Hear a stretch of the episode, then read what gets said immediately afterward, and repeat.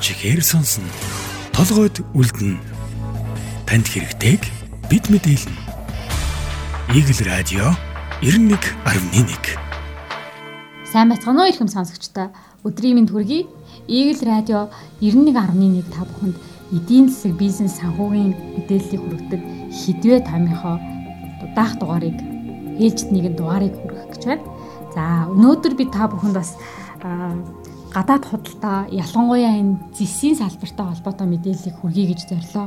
Яагаад ер нь энэ мэдээллийг хүргэхээр зорьсон бэ гэхээр ер нь энэ гадаад худалдаа зэсийн экспорт гэд үзэнгүүт дийлэнх иргэдийн зүгээс ер нь ялангуяа энэ энгийн иргэдэд бас өөрт нь төдийлөн хамаагүй зүйл юм шиг ойлгох хандлага энэ том тоо олон сая ам доллар сонсохоор төдийлөн хамаагүй ийм хандлагаас зарим тохиолдолд ажиглагддаг. За зарим иргэд маань бол нилээд шинтэн үздэг. Тэгэхээр бас ер нь зис гэж зүйл ямар түүхий юм бэ? Зисийн экспорт бидэнд ер нь ямар хамаатай юм бэ? Яагаад энэ төрлийн түүхий экспорт энэ зүйл Монголын эдийн засагт хэрэгтэй юм бэ? Яагаад ач холбогдолтой юм бэ гэдгийг бид бас хүрхээр зорьсон байгаа. Та бүхэн бас сүүлийн үед сонсож байгаа оюутлахын далдуурхайн одоо хамгийн анхны тесрэл теслэгийг хийсэн. За энэ уурхай бол ажиллах эхлэл тавигдсан. Энэ нь бол Монголын эдийн засагт ялангуяа энэ Монголын талаарх гадаадын хөрөнгө оруулагчдад эерэг мэдээлэл болсон гэд манай төр засгийн ус төрчид ч гэсэн их ярьж байна. За эдийн засгчид ч гэсэн ярьж байгаа. Тэгэхээр бас яг энэ дэстэй холбоотой мэдээллийг аль болох та бүхэнд бас илүү энгийн байдлаар хүргэх гэж бид хичээлээ. За Монгол улс бол зэсийн одоо баялагтай орны нэг тооцогддог. Монгол улс бол зис алт зэрэг одоо металлын өндөр нөөц бүхийн бүслүүрт яг байршдаг улс. Тийм учраас Монгол улсад зэсийн яг эрдэнэт шиг оюу толгой шиг юм ордууд байна. Ийм орд байх магадaltaй гэсэн ийм таамаглалыг бол мэрэгжлийн хүмүүс ялангуяа шинжээчд мэрэгчлэнүүд бол таамагладаг. За Монгол улсад одоогоор бол хоёр том зэсийн уурхаа бол ажиллаж байгаа. Энэ бол эрдэнэт үйлдвэр болон оюутлахад төсөл байгаа. За Монгол улс жилд яг өнгөрсөн 2021 он гэдээ аваад үзэнгүүт ойролцоогоор 2.9 одоо тэрбум ам долларын зэсийн экспорт хийсэн байдаг. За энэ бол манай экспортын манай Монгол улсын нийт одоо гадагшаа гаргасан экспортын 30 30 гаруй хувийг бүрдүүлж байгаа. Өөрөөр хэлэх юм бол бид гаднаас олдог 10 ам доллар тутмынхаа 3-ыг нь бол зэсээс олж ийн гэсэн үг. Зэсийн баяжмлаа гадаад гаргаад Тэгэхээр энэ утгаараа аваад үзэх юм бол дис бол Монголын эдийн засагт ялангуяа манай гадаад худалдаа экспортод ямар их хэмжээний одоо үр дүн авчирдаг ямар их хэмжээний ач холбогдол бүхий ийм түүхий идвэ гэдэг нь бол тодорхой харагдана. За дисийн экспорт бол тогтмол өсөж байгаа. Гэхдээ цаашдаа ч гэсэн өсөх боломж байна уу гэвэл тийм. Яагаад тэгэхээр Монгол улс бол дисийн хамгийн том хэрэглэгч дийг хятад улстай зэрэгцэн оршдог. Яг хил хамт байдаг. Тэгэхээр бид дисээ экспортлох боломжтой. За өнгөрсөн 1 жилийн хугацаанд бол дисээ ханш ерөнхийдөө дандаа тогтмол өндөр байсан. Цаашдаа ч гэсэн дисээ ханшийг өснө гэж бол мэрэгчлүүд таамаглаж байгаа.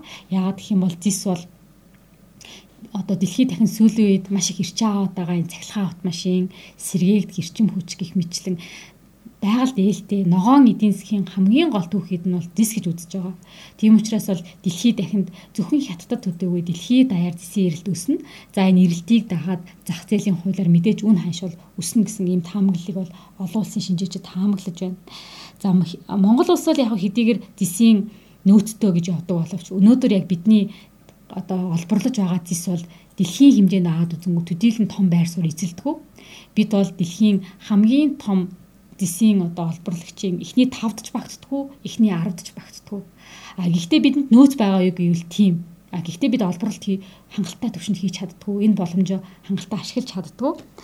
За дэлхийн дисийн хамгийн том хэрэглэгч бол Монгол улстай сүүлийн үед бас яг энэ уул уурхайн салбарт хүчтэй өрсөлдөж байгаа Чил улс байдаг.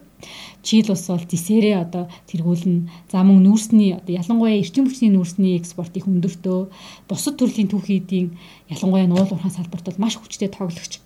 Тэгэхээр Чил улс бол өнөөдөр дэлхийн дисийн олборлолт дисийн үйлдвэрлэл олборлолтоор бол дэлхийд нэгдүгээр бичигддэг. Жил бол 2020 онд гэхэд бол 5.5 сая тонн цэвэр зис гаргасан. За энэ нь бол одоо баг дэлхийн зисийн нийт нийлүүлэлтийн 25 20-оос 25% бүрдүүлдэг ийм бас ийм хүчтэй бас. За үүний араас бол Перу улс бичигддэг. За хятад улс биднээс одоо зис судалтаа авдаг. Хятад улс бол цэвэр зисийн үйлдвэрлэлээрээ эхний 3-т бичигддэг. За үүний араас бол одоо Африкийн бүгд найрамд хардчилсан Конго улс бичигддэг. За Америкийн нэгдсэн улс. Энэ таван улс бол дэлхийн засгийн зах зээлийн хамгийн том таван тоглогч байгаа. За 10 дараагийн одоо 5 тоглогчийн хувьд гэх юм бол Австрали улс байна. Бидэнтэй мөн л ялгаагүй уул уурхайн салбарын бас хүчтэй өрсөлдөгчдийн нэг. За мөн манай хойд хөрш Оросын холбооны улс за Замби гэдэг улс байдаг. Африкийн. За Мексик, Казахстан манай одоо бидэнтэй ойр оршдог.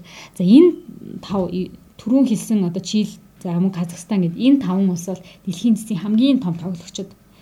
За Монгол улс бол хэдийгээр эрдэнэтэй холовч, хэдийгээр оюутлахаатай боловч дэлхийн салбар тийм том тоглогч биш ийм нөхцөл байдалтай байгаа. Тэгэхээр бид цаашдаа хэдийгээр яг одоо 1-8-т одоо Чили шиг ийм том тоглогч болдоггүй юм а гэхэд ядаж бид нөгөө Конго шиг Казахстан шиг хажуудах те энэ улсууд шиг ийм том тоглогч болох шаардлагатай.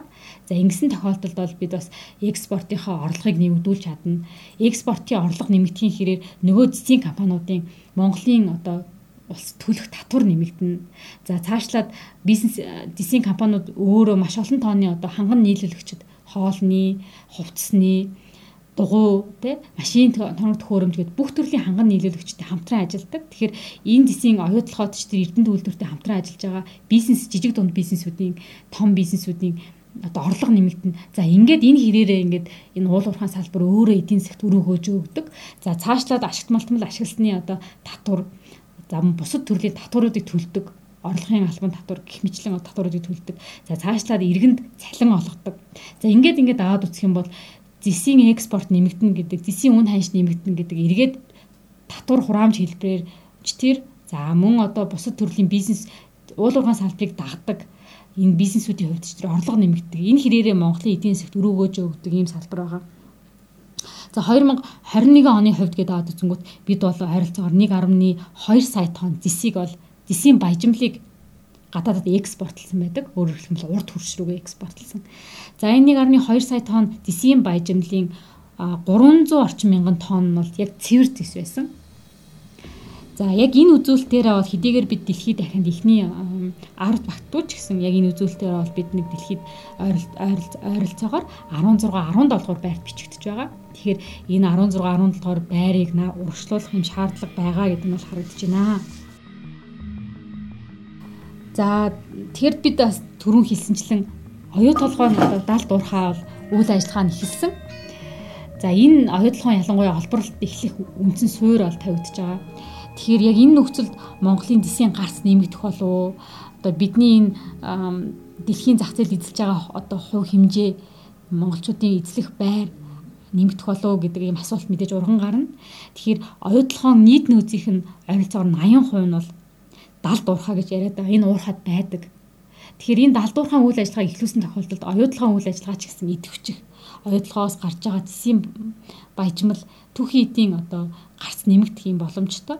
Оюутлахын одоо удирдлагуудын хэлж байгаагаар оюутлагаас ер нь мэдээлж байгаагаар хэрвээ далдуурхаа бүрэн хүчин чадлаараа ажилласан тохиолдолд оюутлахын засгийн гарц 3 дахин нэмэгдэнэ гэсэн ийм одоо тооцоо гараад байгаа. Тэгэхээр энэ далдуурхааг бол одоо бүрэн хүчин чадлаар нь ашиглалтанд оруулах ийм шаардлага бол үүссэн. За оюутлогоос мэдээснээр бол эх оны 2023 оны эхний хагас гэхэд бол далдуурхаа бүрэн хүчин чадлаараа ажиллаж эхэлнэ.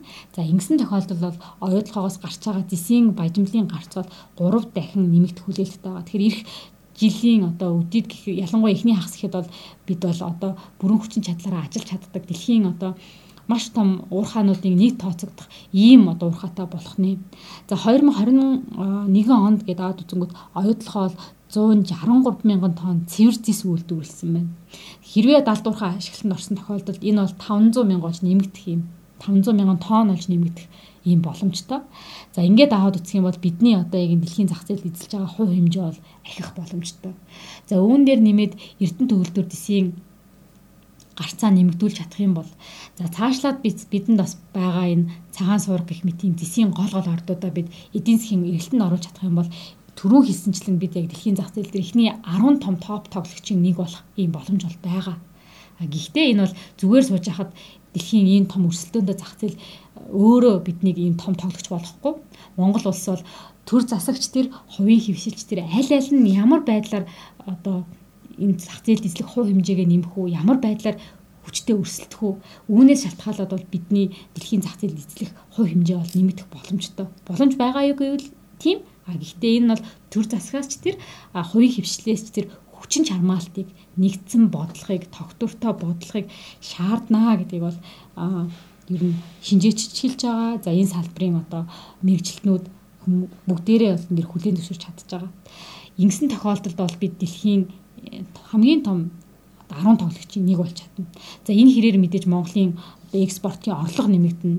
За энэ хэрээр бидний нөгөө төлөх зэси одоо зэсийн компаниудын төсөв төлөх татвар нь нэмэгдэнэ. За ингээд татвар нэмэгдсэн тохиолдолд бол тэр татвар нь төсөв рүү орно.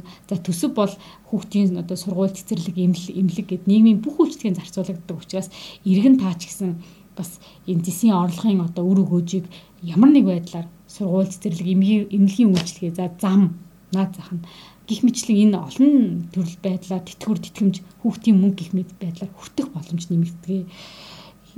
Зис алт гэд одоо түүхий ид гэдэг ингээд ярихаар бас зарим талаар бидэнд хамаагүй юм шиг ойлгох энэ том тоонуудаас хол байх ийм хандлага бол ажиглагддаг. Тэгэхээр эдгээр одоо энэ гол түүхийдүүд бол яа харахгүй үнэндээ бидний амьдралтаа салшгүй холбоотой байдаг. Энэ төсвийн орлогын гол цөмийг нь бас яахааргүй уул уурхайн салбар бүрдүүлж байдаг. Экспортоор Монголын одоо оруулж ирж байгаа Монгол улсыг айл өрөх гэж үзэх юм бол Монгол улс бол түүхий идэ зардаг гадагшаа хятад улс руу дийлэнх тохиолдолд эргүүлээд өргөн хэрэглээний бараа бүтээгдэхүүн хувцс гутал өнөөдрийн бидний ярьж байгаа энэ гар утас телевиз гэдэг нэг өргөн хэрэглээний бараа бүтээгдэхүүн оруулж ирдэг ийм эдийн засгтаа ус. Тэгэхээр бид бол түүхий идэ зарж мөнгө олоод эргүүлээд одоо осон мөнгөөрөө одоо энэ өргөн хэрэглээний бараа бүтээгдэхүүн сандал ширээ гадаадаас импортлж байгаа бүх төрлийн бараа бүтээгдэхүүнийг импортлдог. Тэгэхээр уул уурхайн салбар бол энэ байдлаараа бол Монголын эдийн засгт үр ашигтай. А гэхдээ уул уурхайн салбарыг илүү хариуцлагатай болгох, илүү үр өгөөжтэй болгох, татвар хураамжийг нь шудраг зөв зохистойгоор төлдөг болгох тухай асуудал бол мэдээж бас чухал. Үүн дээр бол аль аль талдаа бас хүчин чармаалт гарах хэрэгтэй байгаа. За би та бүхэн өнөөдөр бас зэсийн Дис гэж юу н ямар түүхий юм бэ? Яагаад Монголын эдийн засаг чухал юм бэ? За ялангуяа энэ сүүлийн үед маргаан дагуулдаг сүүлийн нэг жилийн хугацаанд ер нь байнга ихснээс хойш маргаан дагуулж байгаа энэ оюутлахаа төсөл яагаад урагшлах нь чухал юм бэ? Энэ Монголын эдийн засагт ялангуяа бидний амьдралд ямар хэрэгтэй юм бэ гэдгийг бас ойлгохыг хичээлээ. Бид бас энэ зарим тохиолдолд энэ түүхийн эдтэй холбоотой мэдээ мэдээллүүдийг та бүхэнд хүргэж явах болно. Өнөөдөр бол зэсийг хөрвүүлээ. Тэгээ цаашдаа бид нүүрсний зах зээлийн талаар ер нь нүүрс яагаад чухал юм Яагаад Монгол улс нүүрсний гарцыг нэмэгдүүлэх шаардлагатай нүүрс бидэнд бидний амьдралд ялангуяа усын төсөвчдэр за бидний авдаг тэтгэврт ер нь ямар хэрэгтэй юм бэ гэдэг энэ талааснаас та бүхэн мэдээлэл хүрхийг зорих болно.